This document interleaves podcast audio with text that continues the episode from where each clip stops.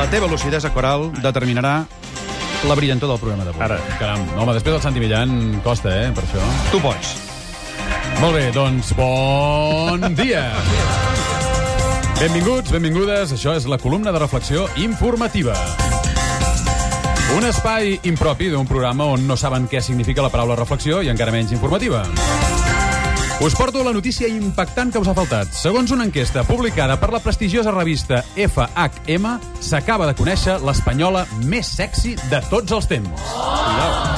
No es tracta, com la majoria esteu pensant, de Carme Chacón, àlies cames creuades.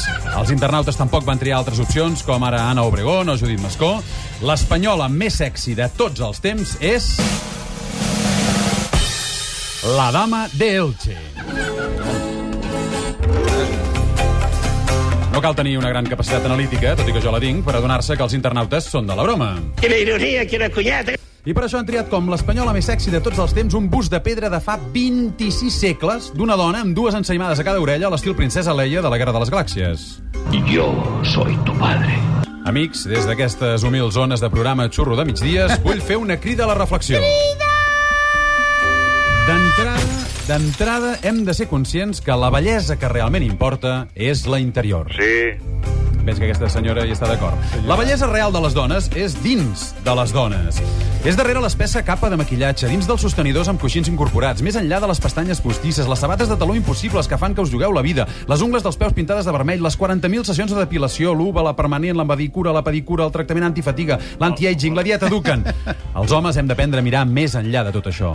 Amigues, deixeu de patir per la imatge. Si la dama d'Elche és la dona més sexy d'Espanya i fa 2.500 anys que no es maquilla, per alguna cosa deu ser. Puntuació, professor Aire? Un uh, 5.